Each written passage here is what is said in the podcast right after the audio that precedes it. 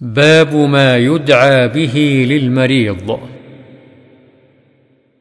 عن عائشة رضي الله عنها أن النبي صلى الله عليه وسلم كان إذا اشتكى الإنسان الشيء منه أو كانت به قرحة أو جرح قال النبي صلى الله عليه وسلم بأصبعه هكذا.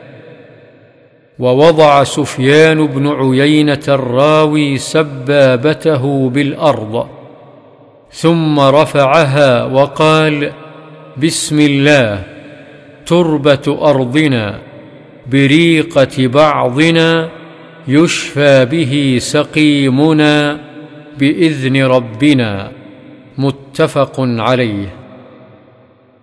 وعنها رضي الله عنها. أن النبي صلى الله عليه وسلم كان يعوذ بعض أهله يمسح بيده اليمنى ويقول اللهم رب الناس أذهب البأس واشف أنت الشافي لا شفاء إلا شفاؤك شفاء لا يغادر سقما. متفق عليه. وعن سعد بن أبي وقاص رضي الله عنه قال عادني رسول الله صلى الله عليه وسلم فقال اللهم اشف سعدا اللهم اشف سعدا اللهم اشف سعدا. رواه مسلم.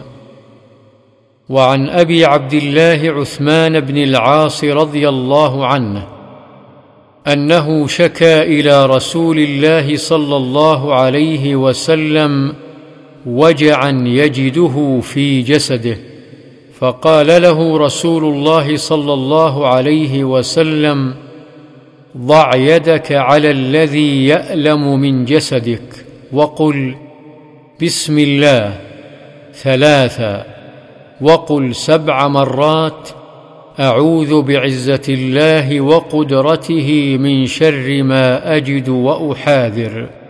رواه مسلم.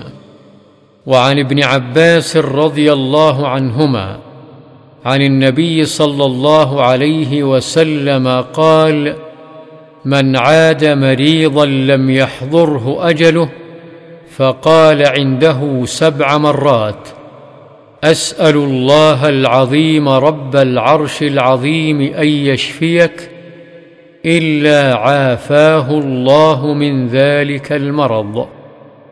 رواه أبو داود والترمذي وقال حديث حسن وقال الحاكم حديث صحيح على شرط البخاري.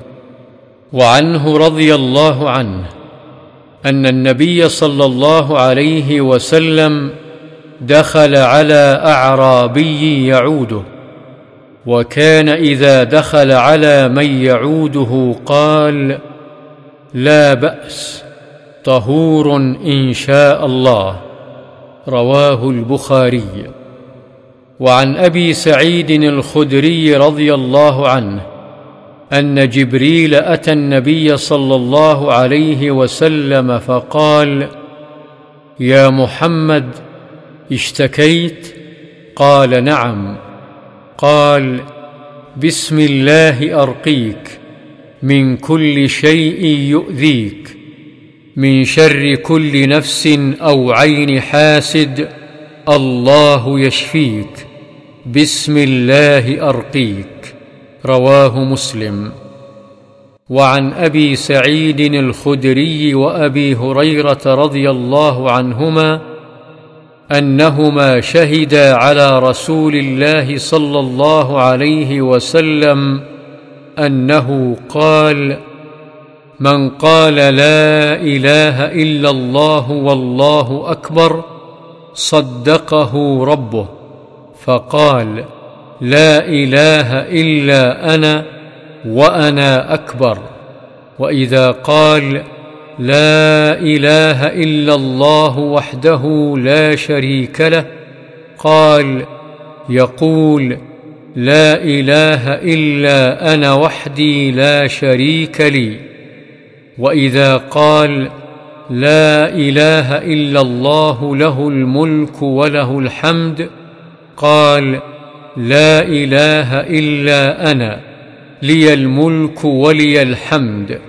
وإذا قال لا إله إلا الله ولا حول ولا قوة إلا بالله قال لا إله إلا أنا ولا حول ولا قوة إلا بي.